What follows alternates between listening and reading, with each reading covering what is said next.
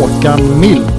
Det är ju bara att instämma med vad Håkan säger. Eh, sen jag blev förvånad att vi kör eh, två centralt. Att vi inte kör eh, 4-3-3 uppställningen och kör tre centralt när vi spelar borta på konstgräs. Matanovic, Antonio. Stort tack, bra, kul att vara här. Och det ser vi nu att det börjar faktiskt spenderas. Vad kan man ta med sig då? Jag tar med mig att Sebastian Eriksson spelade 35 minuter allsvensk fotboll. Kör! Då säger jag hej och välkommen till Kamratpodden avsnitt nummer 42 som spelas in denna veckoafton tillsammans med Daniel Andrén och Antonio Matanovic. Hur är läget med dig Antonio? Nej, men stort tack Daniel. Ehm, det är speciellt alltid när allsvenskan går i mål och man på något sätt kommer in i en ny värld. När det inte är en serie längre och vi kommer mot ett långt uppehåll. Så det, det är blandade känslor. Det är både gött och det är lite jobbigt. Ja, det är ju eh, lite segt att inte ha några matcher att se fram emot samtidigt som det är lite, lite skönt. Men jag vet inte vad jag ska fylla tiden med riktigt. Men det lär väl visa sig kanske. Och när jag kommer till den delen där jag säger att det inte är så... När det är jobbigt så är det utifrån det perspektivet att det har varit en påfrestande säsong på många sätt. Ja. Eh, vi har varit i skiten. Vi trodde att eh, kusten är klar. Vi satt ju inför Ja. Sirius. Man satt ju rätt kaxig och sa att vad skönt livet är. Eh, och sen så hamnar man i skiten igen. Och. Eh, Men med darr. Men verkligen darr säkrar man ett kontrakt. Och det, det tar energi. Den här säsongen känner jag har tagit mycket energi. Eh, Ja. Man har inte fått lika. Man har gett mer än man har fått kan man känna. Och på ett sätt så skönt att det är över och man kan landa. Det som kan vara lite obekvämt i mina tankar det är vad händer nu? Ja. Ehm, du, nummer 42 för övrigt. Eh, det är faktiskt så att uh, Yahya Touré ska ha spelat med dig i Manchester City. Skojar 42. Bedrövligt nummer. Ja. Ja, det är ingen höjdare. Nej det är det inte. Det var en jättesnabb googling här så jag vet inte om det stämmer. Men eh, låt, oss, eh, låt oss anta att det stämmer. Ingen i IFK som har spelat med 42 anser, antar jag. Det finns ju en fin sida som har en bra datapost vid ifkdb.se som summerar mycket. Men jag mig vetligen känner inte igen någon bänkis eller provspelare som har sprungit runt med 42. Så provspelare kanske möjligtvis men... eh, Alltså en det- 18-åring från en division 3-klubb som kom upp och sa hej. ja, men skulle det... Vad gott. Ende Landvetter-spelaren som fick provvecka. Ja, just det. 42an är din så länge. Nej, jag hittar ingenting faktiskt. Men Nej, det kanske det- någon vid eh, bättre Google-vana. eh, Det kan- svårare kan nu lyckas när vi kommer en bit in i podden att faktiskt hitta så att säga spelare med nummer. Det är lite lättare i början där upp till 19 tycker jag. Så nu, nu blir det svårare allt eftersom. Jag får ju ladda för nummer 77 men då är det hockeytermer, Paul Coffey och sånt där. Men då blir Bolson här. Ja, vi får väl vänta till eh, 86 då. Vem tänker du på då? Ja, Pontus Wernbloom hade ju 86 när han kom tillbaka. Just det ja. Just det ja. Eh, vill jag minnas. Men ehm, det, minnet kan svikta också. För han hade väl nummer tre första... eh, Eller eh, nummer tre också va? Ja. Konstiga nummer. Konstigt avslut. Ja. Kon, konstigt sätt att avsluta karriären med de tröjnumren. Det, det, det finns ingen logik. Nej. Men jag kanske har fel. Han kanske inte alls hade nummer 6. Eller 86. Eh, Jag hade för mig att det var, alltså, jag vet inte varför 89 plötsligt kommer i min Ja, skalle. men det var Tobias Sana vet du. Jaha, var det det? Så där. Ja. Konstigt, konstigt. Mycket konstigt. Konstig tid. Ja. Rolle tack. Eh, men det är vad det är. Ehm, ja men det var ju, eh, jag tycker att ehm, ah, hela säsongen kanske inte summerades eh, i Varberg såklart. Men eh, det kändes ju nästan som att man gick igenom en liten eh, minisäsong där. Nu var ju du och Olsson på plats där. Jag tänkte ni kan väl, du kan väl återberätta lite grann eh, om dagen i Varberg. Eh, Ni stängde ju men det- böckerna tillsammans med många bortasupportrar. Ja, det gjorde vi och det var ju supertrevligt att träffa alla dessa människor såklart. Um, ja, men allt ifrån eh, det här eh, stället som vi var på i Varberg. Med, Ölhallen. Ölhallen, ja. Trevligt. Ehm, en himla massa trevliga änglar på plats och eh, ja, men tågresan gick bra. Promenaden till arenan, eh, alltså den är ju, är ju rätt mysigt att gå där genom lilla Varberg. Eh, förhållandevis smidigt eh, insläpp och sen ja, väl på plats så eh, var man ju otroligt nervös även om eh, jag väl någonstans tänkte att det var lugnt. Det var inte världsklass på platserna. Påskbergsvallen är ju så lite klassisk. Man är ju väldigt långt från plan. Så min spontana fråga är hur mycket kommer du sakna Varberg nu när de åker ur? Nej, man tycker ju lite synd om dem. Eh, eh, eftersom att de precis har byggt en ny eh, läktare. Mm. Men annars så kommer Jo. ja, det, det man kommer Jo. sakna är väl Stojan Lukic. Det var väl Falkenberg byggde väl också en relativt ny arena innan de trillade ner till eh, numera ettan. De åkte ju ner till superettan. Sen var det ju raka spåret ner till ettan. Ja, precis. Det, det är inte omöjligt att eh, Varberg med Tobias Linderoth vid, eh, vid rodret kommer gå samma öde till mötes. Det är inte omöjligt. Absolut Nej, inte. små resurser. Falkenberg för övrigt som ska väl kvala upp till superettan om inte jag helt fel. Ska ju ta sig an... Eh, oj, vilket var det nu? Eh, jo, de ska kvala till superettan. ÖIS fick ju Nordic United och eh, Falkenberg skulle ta sig an det andra laget just nu, Järnsläpp, som åker också till kvalet här ner till ettan då. Ja. Eh, så ja, jag hoppas Falkenberg kommer upp. Det hade varit kul med lite mer kustlag som tar den spåret upp. Falkenberg tycker jag är trevligt. Ja.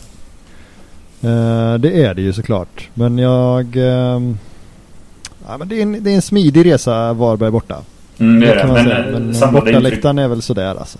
Ja, verkligen. Ja, men samlade intryck då från publiken. Vad, hur gick tongångarna nu när det var sista matchen? Var det skönt? Var det mycket besviket? Jag tänker 1-0. Det var ju bra tryck på läktarna fortsatt eh, Ja. där. Men började du känna en viss uppgivenhet runt om kamraterna efter 89 minuten när Mucolli brände den?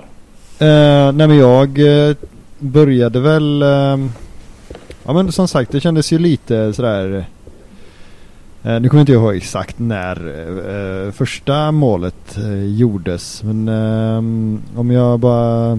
Alltså för, för, första målet gjordes ju liksom i 64 så fram till 64 så var jag ändå ganska lugn. Alltså Du Varberg... var jättelugn i tråden för jag skrev Ja. det att nu leder BP och det första du skrev det är lugnt. Sen gjorde ju Varberg 1-0. Jag hörde ingenting från dig sen. Det var väldigt tyst i tråden. Nej men då var det ju inte riktigt, eh, riktigt lika lugnt. Men jag kände mig ganska sådär tillfreds med tillvaron eh, där. Jag är Mm. tämligen säker på att eh, Varberg inte skulle orka hålla ut. Eh, och det kändes som en så här, ja men som säsongen i överlag, eller så här, överlag. Ganska tråkigt.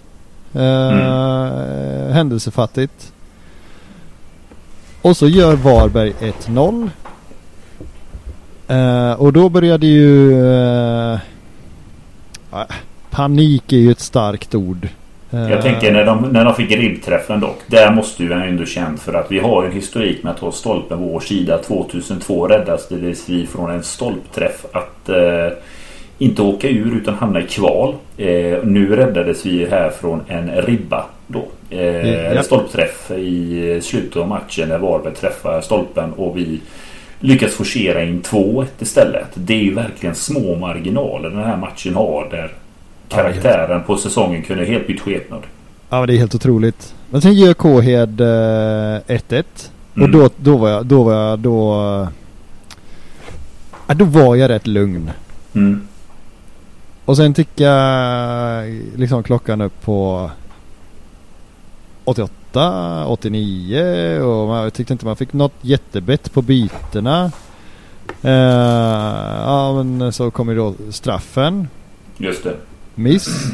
Och då var jag nog ganska inställd på att det blir utsikten. Mm. Eh, sen efter eh, 94 och 37 eller var det 94 och 47? Eh, Någon av dem. Ja. Så gjorde Adam Kalén det här magnifika volleyskottet får man säga. Det är ingen turträff. Det är faktiskt ett bra skickligt mål han gör. Ja, det är lite Pippo Inzaghi över det tycker jag. Ja, verkligen. Rätt ställe, rätt läge. Peter kommer in där och bara Ja, visslar in den. Ja, riktigt snyggt. Mm. Eh. Det, var, det var inte väntat. Man var inte beredd på att Adam Kalén skulle vara den som gör det. Men eh, här, Nej. kul för honom på ett inhopp också. Taktiskt triumf att byta in honom får man ju ge då coachen då. Eh, jag, tyck, jag, tycker att det var bra att Sebastian Eriksson fick spela från start. Jag tycker det ja. gav en dignitet och ett, återigen ett rakare spel. När vi väl skulle vara lite rakare. Sebastian Eriksson, jag har sagt det innan till dig. Han kanske inte har de världens bästa fötter. Han kanske inte har det bästa på allting. Men det Sebastian Eriksson gör är att han följer instruktioner väldigt bra. Ja. Och det blir något av det då. Det blir något av det. Ja och han slår ju Alltså två, tre sådana där lång, långpajar som är på väg att skapa farligheter. Så att han, mm. han, han bryter ju lite mönster också med dem tycker jag. Precis. Tyckte han var fin faktiskt. Um, vi, vi, vi, återkommer väl kanske till uh, Sebastian uh, lite senare när vi ska prata lite lite silly har vi sagt mm. att vi ska mm. prata idag också. Um, jag tänkte bara uh, stänga stänga Varberg med att kolla hur dina upplevelser var i soffan? Eh, hemska. Hemska. Ja. Eh, det var så hemskt så att eh, jag tog eh, telefonen, stängde av tvn, tog telefonen och hade med Discovery ut här utanför. För jag kunde inte sitta still. Så då Nej. passade jag på att sätta upp eh, julbelysningen här utanför. Och med ja, telefonen ja, ja. bredvid mig. För sen gjorde de 1-0 och då var jag tvungen att mumla för mig själv. För jag var, jag, jag var inte kommunicerbar. För det är ingen idé. Jag tycker inte barn ska inte se sin pappa vara sådär. För det blir bara stökigt. Eh, de undrar varför är pappa sådär. Det är bättre att jag svär för mig själv och jag står lite på trädgården här ute.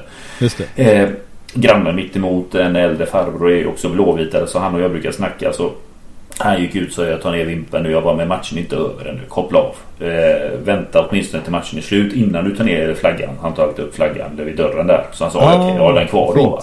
Men sen blev det ju 2-1 och då kom ju farbrorn ut. Eh, han är plus 70. Eh, ja. Och jag är mycket glad. Och jag, grejen är den, jag var ju mer så här, Man ska vara glad. Jag var ju mer förbannad. Jag var inte ett år till och den här skiten. För jag orkar inte med att ha den där pulsen i sista omgången mot Varberg. Det ska Nej. inte finnas en puls för mig. Det ska vara liksom nu stänger vi skönt, vi spelar snyggt ja. med det. Eh, hemsk upplevelse. Jag tyckte det var hemskt. Eh, rakt igenom. Jag, jag var helt slut, helt marinerad efter matchen. Eh, tom. Tom, mm. tom, tom. Och, men, men, mycket frustrerad och jag var väldigt nyfiken på Jag försökte efter matchen analysera väldigt mycket Håkan Mills eh, Kroppsspråk, eh, mm. hans sätt att prata när han var med i Discovery-studion. Och Eh, väldigt duktig där. För jag tycker inte han gav något intryck av att han själv har bestämt sig för någonting. Utan han var väldigt mm. lugn och pratade om att det är en lättnad och ingenting annat. Och så nu fokuserar mm. vi på nästa år.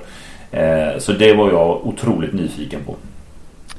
Ja, men det var precis, det var nog det som, eh, som hände lite. För att först sen när bollen går i mål så blir man ju så här helt vanvettigt glad och, och jublar och skriker. Och, och sen blir det ju lite som att så här, fast så här glad Ska jag behöva bli det över att vi missar kval med, ja vad blev det till två poäng kanske då? Mm, vi ska se exakt på tabellen hur det blev. vill jag minnas. Eh, vi klarade, oss, oh. vi klarade oss med ett en poängs marginal. Ja, två med tanke på att vi hade mycket bättre målskillnad. Nio måls bättre målskillnad än Brommapojkarna. Så Brommapojkarna hade ju behövt två poäng för att gå om oss då. Eh, så det... Ja, det ska inte... Det är precis så jag känner också. Det ja, så lite sist, lättad liksom. Ja men sist jag hade sån lättnad. Den här typen utav lättnad. Det var ju Frölunda 2002. Det, det är så långt ja, går tillbaka när man hade den här känslan. Vad skönt att vi vann. Men samtidigt ja. att det här vill vi inte göra igen. För det här ska inte vara vi som ska... Det blir ju återigen att man talar i klyschor. Vi är en stor klubb. Men vi ska inte ha de här känslorna eh, i en sån här match. Och ska, vi ska inte hamna i en sån här situation igen. Men likt förbaskat nu är det inte så många år sedan vi slutade 12 i tabellen igen. Nej men nu, nu börjar det ju verkligen bli sådär. Om man leker med elden så, så eh, för länge så bränner man sig. Slut. Lite så. 2018 slutade vi 11, 19 7, 20, 2020 då. Eh, det hemska året slutade vi 12. Sen ja. de två senaste säsongerna slutade vi 8-8 och nu slutar vi 12 igen. Det ja. är 2019 som sagt som är det bästa året vi har sen 20, 2016 slutade vi fyra. Sen ja. är det 2019 där vi slutar sjua som är vår bästa prestation. Och det är väl lite det som jag säger just att skönt att säsongen är över. Men min ja. skräck är lite grann i att vad, är, vad händer nu? För ja. det som har varit när vi ska rädda en säsong är att vi har haft en ny konstellation. Ett sätt att rädda någonting. Vi behöver spela på ett visst sätt för att rädda en säsong. Och året efter. Det är då en organisation ska sätta sin prägel. Och det är lite det som man är nyfiken på. att Vad sätter Jens för prägel nu? Vad sätter Ola för prägel nu när man får en försäsong att bygga en trupp som Ja. de vill? Den sportsliga organisationen kontra det som har varit. Ja men det, ja precis. Det är både Eh, spännande men också lite oroande. För just nu har vi ett track record där Ja, man har sett framåt mycket men det har inte landat så väl de senaste åren. Ja, men, sk- skillnaden nu lite mot eh, tidigare år är att nu har man ju liksom fått in Ola eh, som är en visionär och som kommer liksom, eh, ja men det här vill Blåvitt vara, det här ska Blåvitt vara. Eh, det tror jag är en jätteviktig pusselbit. Eller Absolut. behöver man, eller ja, det är ingen jätteunik spaning men så är det ju och därför tror jag lite mer på det här än det här tidigare lite hattandet som har varit. Sen, hopp, sen, sen är det ju jätteviktigt att man eh, med Ola i spetsen eh, har förståelse för att eh, det kommer ta tid att ta sig till toppen. Så man måste ta små steg. Vi kan inte sikta på topp tre nästa år för det, det, det hoppet är för stort. Det är för många som måste bytas ut. Och det spelar ingen roll vad folk säger. För jag menar tittar man på början av säsongen så talade man ju då om att nu ska vi vara med och närma oss Europaspel. Ja. Jag hoppas, nu ska vi inte summera en säsong på det sättet, men om man kan nämna det redan nu så hoppas jag inte läsa rubriker om att man från klubben pratar om att ja, men till nästa säsong så ska vi verkligen inte göra om det här och vi ska närma oss Europa. Då är man lite blind igen. Inser inte riktigt var vi står. För då krävs Nej. det faktiskt att man har en silly season som skiljer sig från mängden och där inte kanske med all respekt med spelare från den and- danska andra divisionen eller klubbar som flyttas ner i allsvenskan. Det är inte de spelarna som lyfter oss till den nivån. De kan lyfta oss lite. Men inte till de positionerna där vi ska kunna jaga en Europaplats. Då krävs det Nej. lite mer spets. Men man får jobba i etapper. Ja men, ja men precis. Och sen så vill jag ju bara eh, för protokollet här. Eh, kommer du ihåg när jag sa att man kommer behöva minst 32 poäng för att slippa kval? Kvalet blev banne mig på 33 poäng i år. Det är riktigt. Det är rätt så högt. Det är rätt högt. Det är väldigt högt. Det är väldigt högt. Eh, och det är anmärkningsvärt att eh, det är så många lag som tog så mycket poäng. Eh, vilket gör att det har varit en, återigen en allsvenska som har varit väldigt jämn. Om man Ja. då bortser från att topp tre stack iväg lite grann. Men det har varit lite Det har varit så här segment. Topp tre. Ja. Sen har det varit topp 4, 5, 6, 7 till och med. Eh, Ja. Sluttabellen är till och med som sådan att laget som slutar 10 Mjällby på 41 har fyra poäng upp till eh, Värnamo som slutar femma. Ja, ja men precis. Och sen är ju AIK på elfte plats bara tre poäng för BP. Precis, så det, det har verkligen varit tre kluster kan man väl säga av Smått tabellen. absurd. eh, Ja, ja, jävla tajt det blev alltså. Ja, nej men allsvenskan är unik igen på det Mm. sättet. Och det gillar man ju. Det gör Eh. man eh, verkligen. Det är på, på, det, på samma spår som man pratar om att man kanske inte ska prata om Europa så ska man ha klart för sig att är man där och det, det har även sett ut så lite historiskt i tabellen att om du ligger börjar avancera upp mot en tionde plats i tabellen, tionde, nionde plats. Då Ja. är det inte många poäng kvar för att Nej. du ska vara femma, sexa. Det är ett getingbo där. Så ta som IFK Norrköping till exempel. För deras säsong blev ju katastrofsäsong. Men hade IFK Norrköping tagit 6-7 poäng till. Då hade man legat femma. Då hade det inte varit en katastrof. Så det är ju väldigt små marginaler om man landar fem eller tia Ja. från bra till värdelöst. Ja, ja men absolut. Ehm, sen tycker jag ju att eh, det känns som att Norrköping landade helt rätt. Jag sa att de skulle sluta nio. Bedrövlig säsong. Skönt. Jag hade ett rätt i alla fall. Kring Peking. Ja men, ja men precis. Men så blir det så här. Ja men det är klart att Blå... Alltså om Blåvitt ska till topp tre så funderar man på hur många i Blåvitts startelva eh, tar plats i något av topp tre-lagen. Det är inte så många. Alltså, Alltså, en, jag, nej, en det- elva. Nej, jag, jag, jag kan inte fortsatt tycka att Gustav Svensson har någonting. Jag kan inte fortsatt tycka att han, han styr upp någonting. Och är det någonting som Jens Asko har fått fason på så är det vårt försvarsspel. Vi läcker ju inte på samma sätt som det började. Det har liksom stabiliserats väldigt, väldigt bra. Nej men det håller jag Eh, med. Men sen är jag enig i det. Jag tycker inte att vi har eh, någon spel. Vi hade Marcus Berg. Och det är Ja men Marcus. absolut. Och Men jag säger inte ingen men det jag säger det är inte många. Nej, men helt ärligt. Om vi, om vi går igenom truppen. Marcus Berg hade löst det, absolut. Marcus Absolut. Berg är anledningen till att vi är kvar i Allsvenskan. Och. Han fick det avslutet jag ville. Han är den som såg till att han gjorde någonting bra. Han gjorde det fantastiskt. Och vi fick se. Det blir också en historia. När Marcus Berg la av gick det åt helvete i början. Det är också en Ja. historia att berätta för barnbarnen i framtiden. Att eh, det ska man komma ihåg kring Marcus Berg. Vilken betydelse han faktiskt hade. Ja. Men absolut en för topp tre. Men nej, nej. Mucolli i form. Absolut. Santos. Han har någonting i form. Men Ja. utöver det.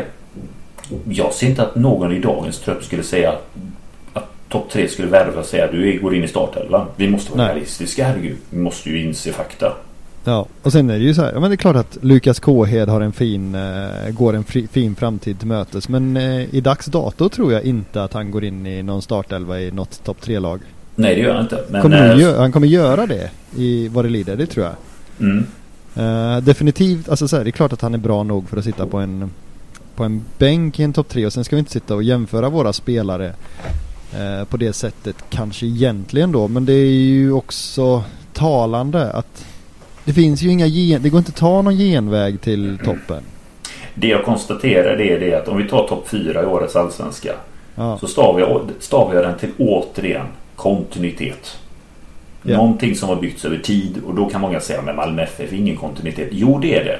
För kontinuitet är inte per automatik tränare. Kontinuitet Nej, är inte per automatik att det är samma elva. Kontinuitet är att det är en organisation som bygger sitt trupp och sitt lag på ett visst sätt.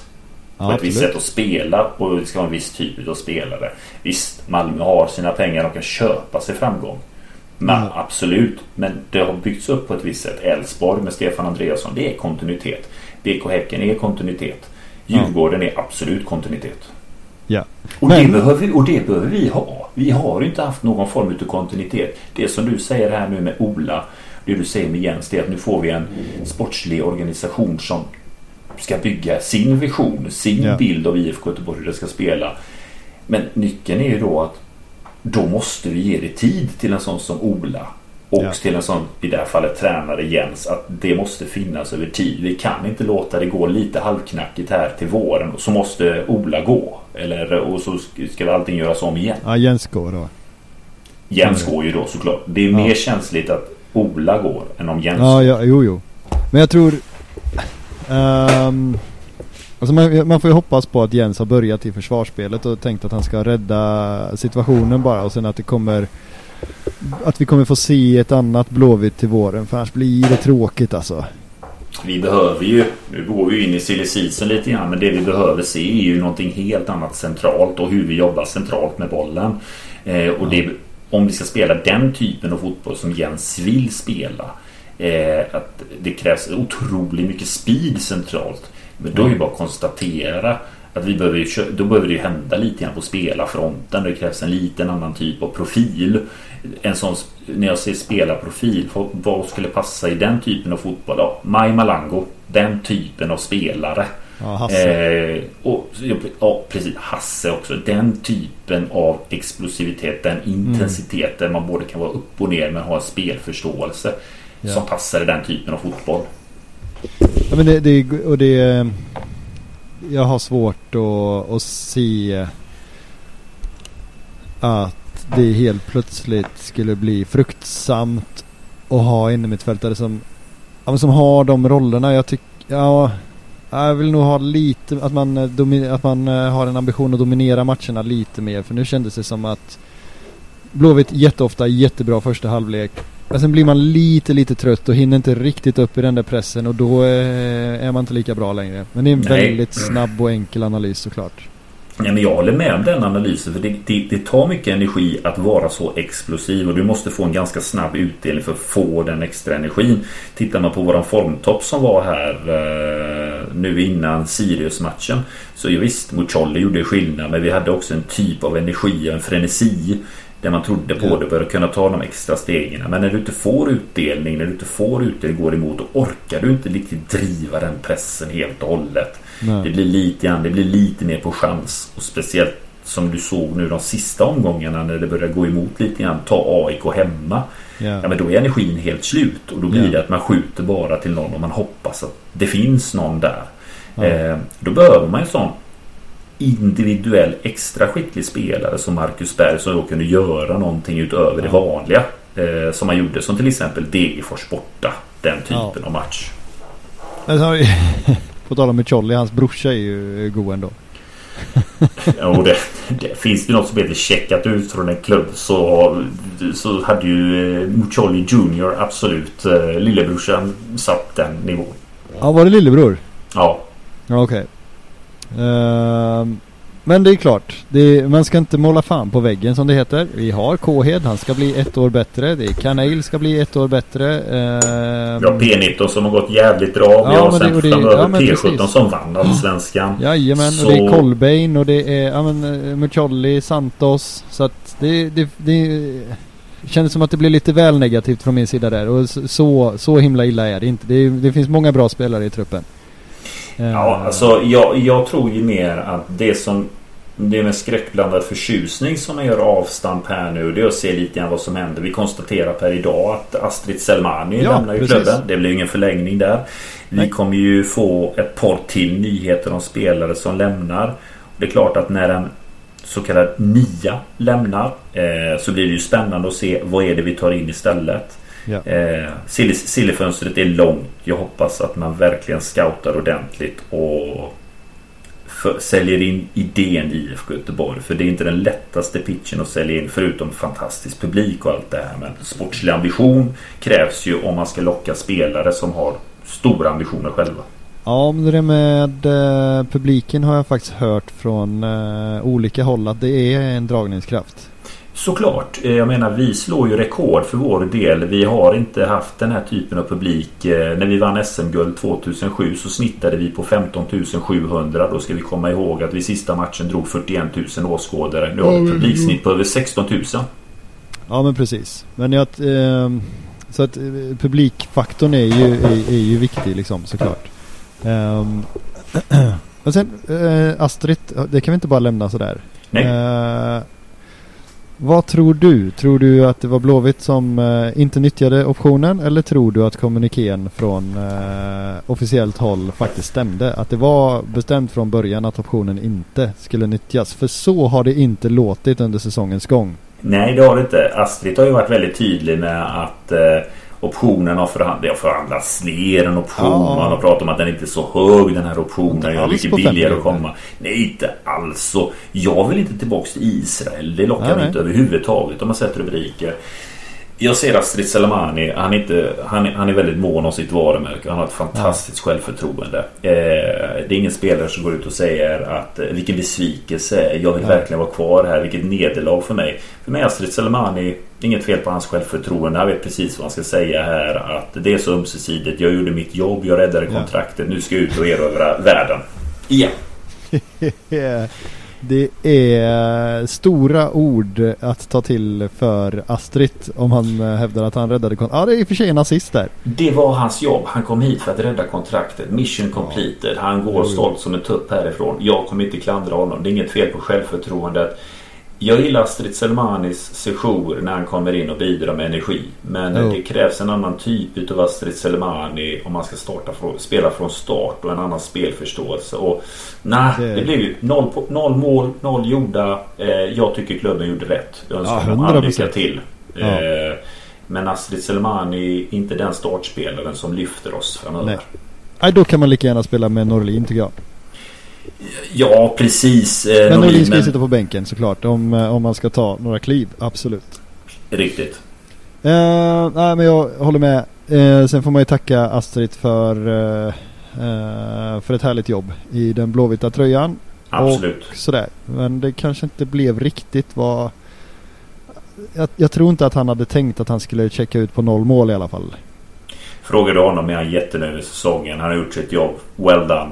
Men Jo. såklart att det är, den, det, det, det är ju det han säger till mikrofonen. Men sen så Facit i hand så Europa om, man ska, om, om, om du vill leka ut i Europa så tittar man på siffror och det är inga starka siffror. Det är inte som så att de kommer stå i kö klubbar och signa om man inte har världens bästa agent som kan snacka mycket.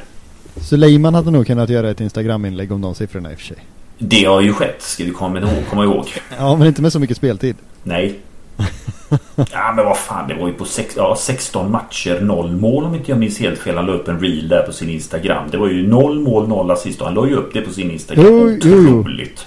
Jo, jo, jo, men jag menar han hade inte lika många minuter som Astrid. Men det, det syntes ju inte i den eh, posten såklart.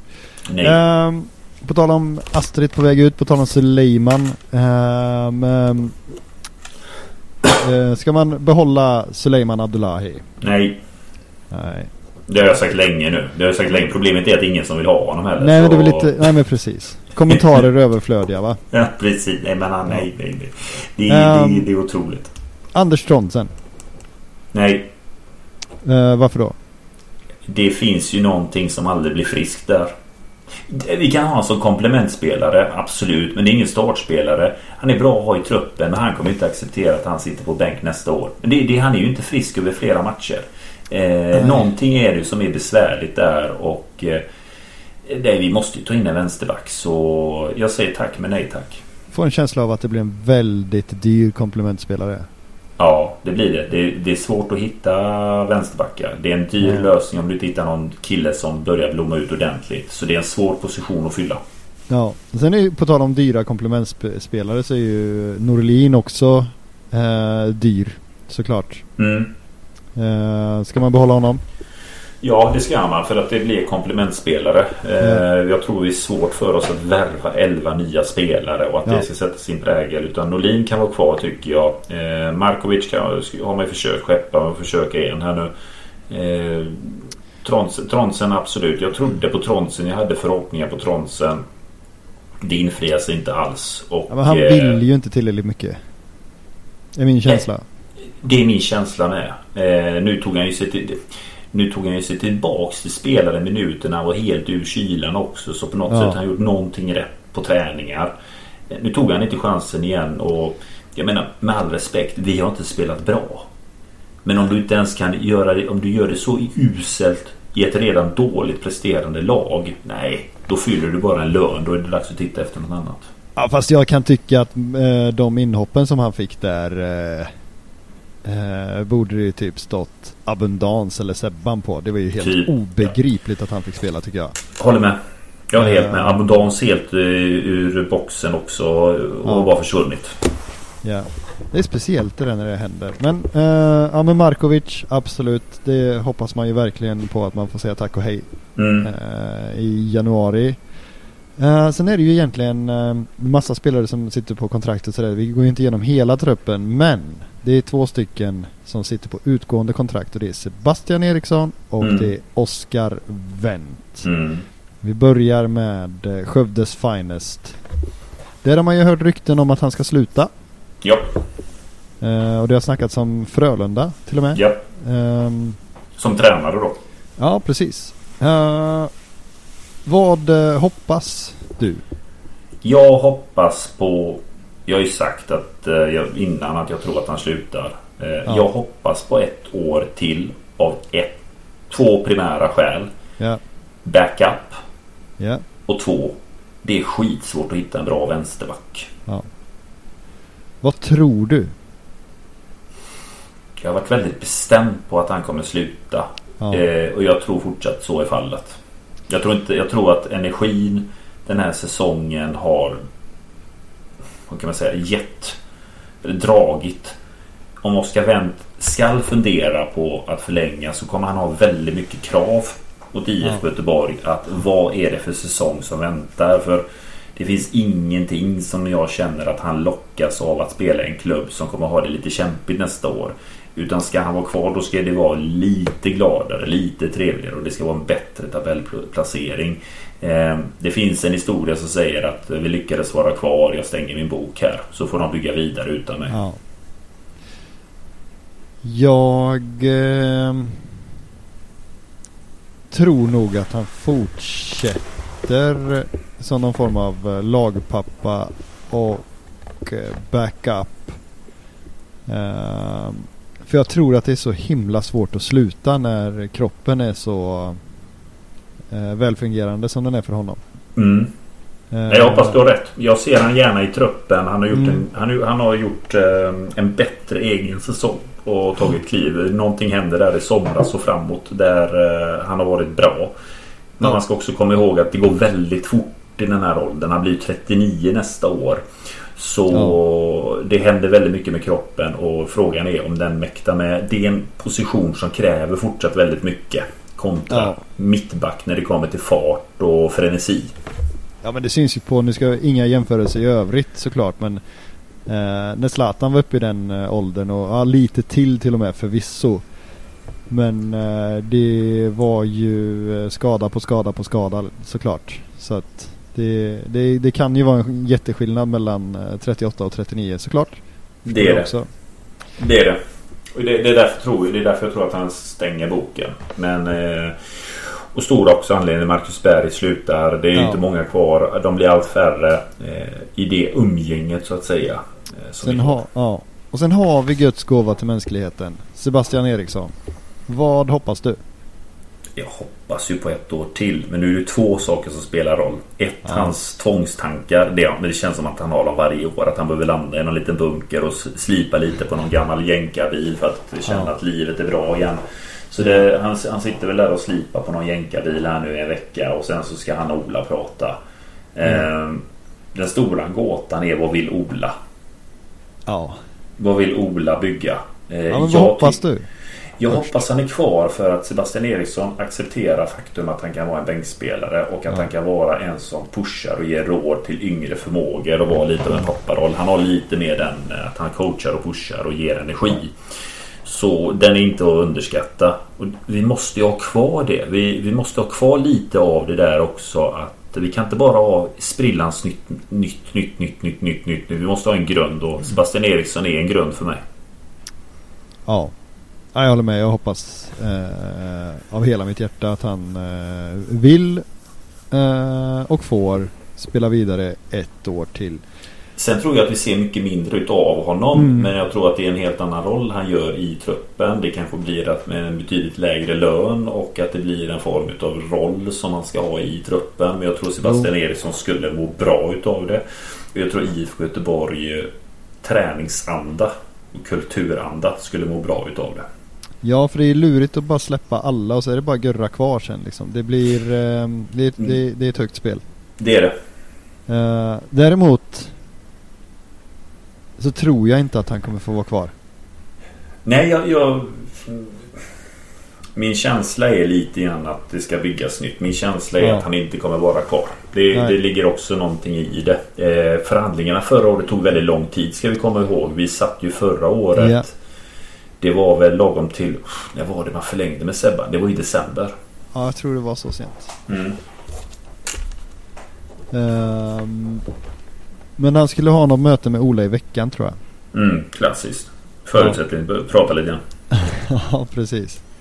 Ehm, men jag hoppas eh, såklart. Men jag är... Klubben har ju inte kommunicerat på något sätt. Vanligtvis när eh, den som håller i kontraktsförhandlingarna så brukar man höra lite medialt sett att ja, men vi vill förlänga, vi ska sätta oss och prata. Men här har det varit att vi ska prata. Och inte Ja. att vi vill, vi är intresserade av att förlänga. Så där brukar en klubb kommunicera på två sätt.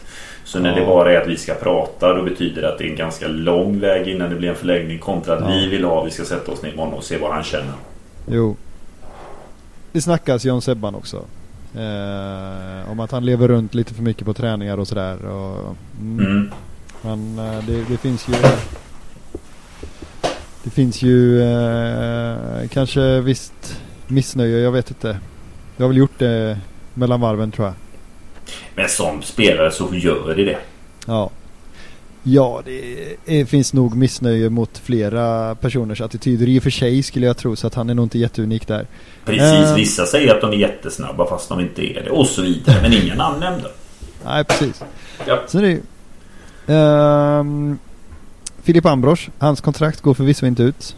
Eh, men tror du att Blåvitt kommer skeppa honom eller tror du att han kommer få komma tillbaka och slåss på lika villkor?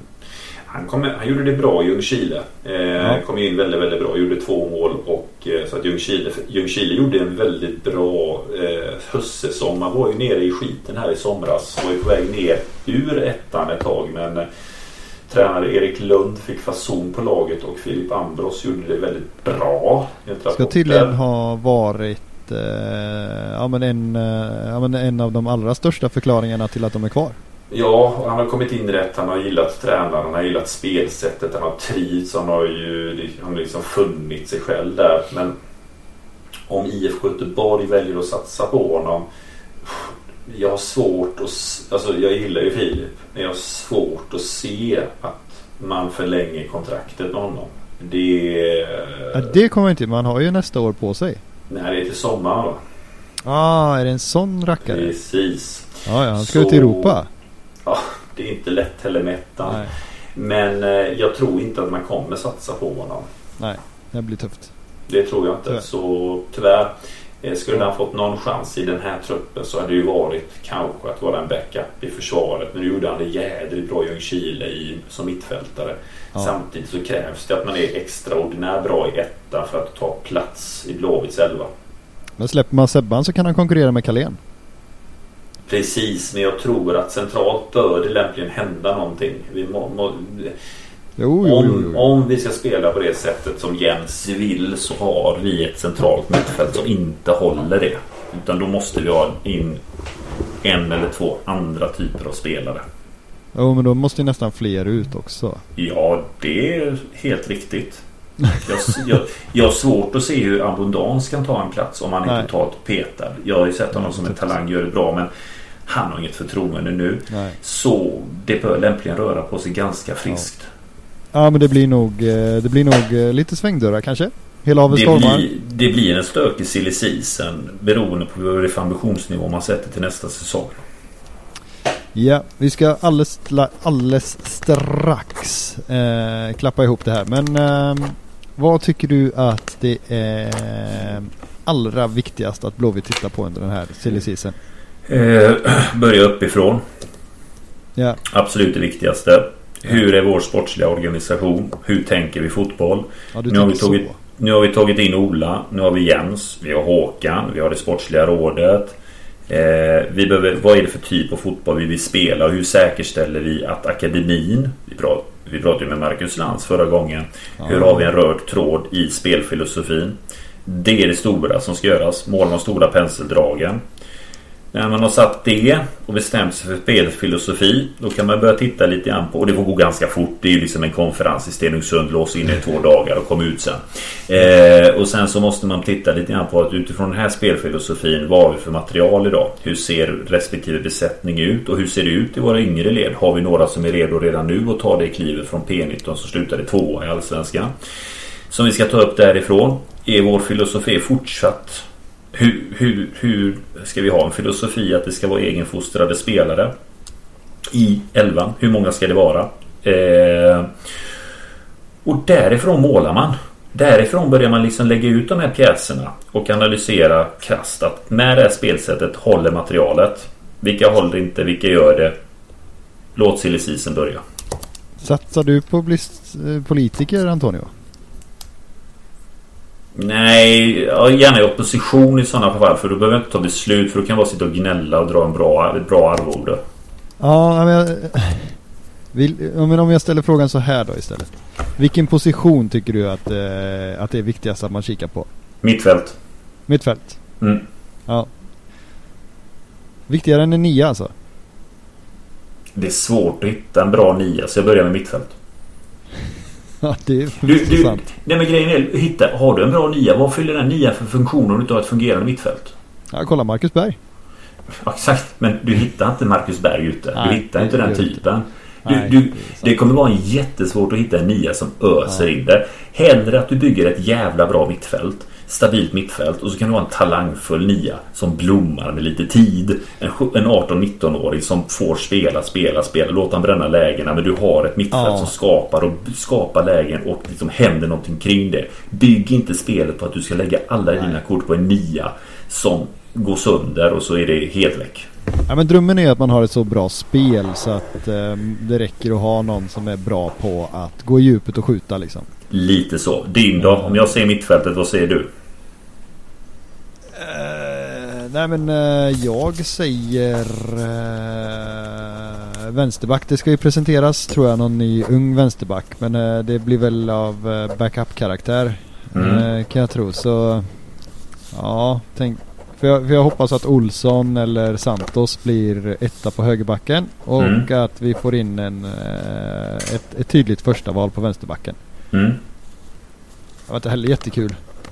Nej men som sagt så nu kommer vi också göra ett ekonomiskt sämre år. Vi har inte gjort den typen av spelarförsäljning i år så vi bör nog lämpligen också ta ett snack med våra intressenter igen. Eh, om vi ska då ta in en vänsterback som tar plats så kommer det kosta lite grann.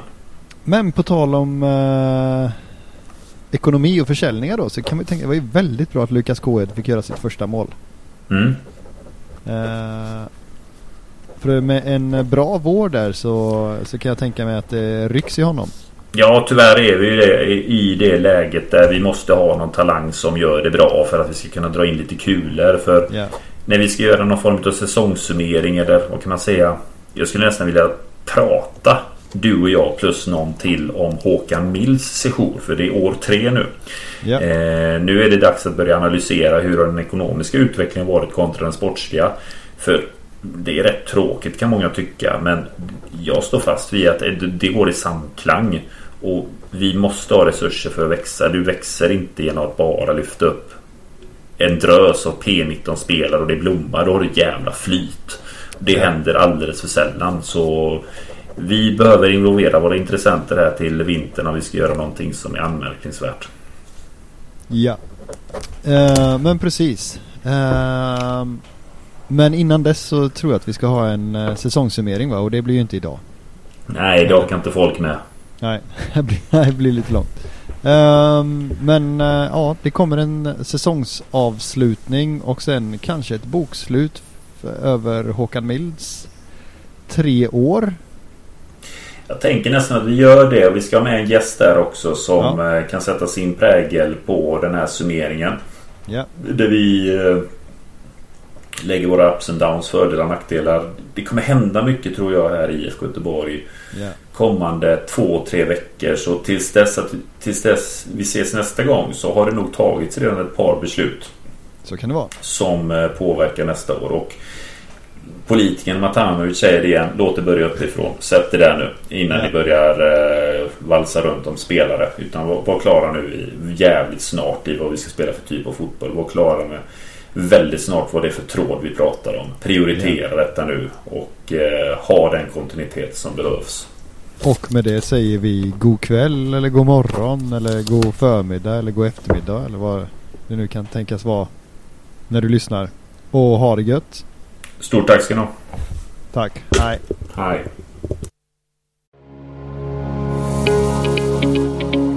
Hur är din form? Eh, jo, men uppåtgående då. Jag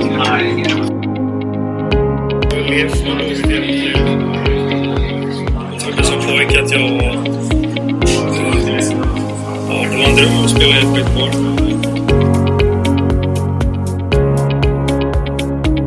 Håkan Mild. Det är ju bara att instämma med vad Håkan säger. Jag har fått göra det som får du få göra det som... Eh, sen jag blev förvånad att vi kör eh, två centralt. Att vi inte kör eh, 4-3-3 uppställningen och kör tre centralt när vi spelar borta på konstgräs. Nej, 4-0. Alltså det, det är väl det tar. En bra fotbollsspelare och professionella människor som kommer in. Olsson, hur läget med dig? Matanovic. Stort tack, bra, kul att vara här. Vad kan man ta med sig då? Jag tar med mig att Sebastian Eriksson spelade 35 minuter allsvensk fotboll. Faktiskt det. att Det är ju inte många år man ska vrida klockan tillbaks när man faktiskt kunde tänka sig att en spelaraffär in till Allsvenskan över 10 miljoner, det skulle nästan vara otänkbart. Det är många klubbar som senaste boksluten redovisade rekordsiffror och det ser vi nu att det börjar faktiskt spenderas. Eh, nej men det är ju en sån liga som är lite grann som Championship var förr. Fullt ös, inte riktigt eh, hållt tätt bakåt. Utan eh, ja, raka rör passa Oskar. Det är ni som är de konstiga och sådär. Exakt. Ja. ja. Lite positivt var ju att det är rekord i redovisat eget kapital. Det har vi inte haft sedan jag tittade tillbaka 2007. Tack själv Daniel.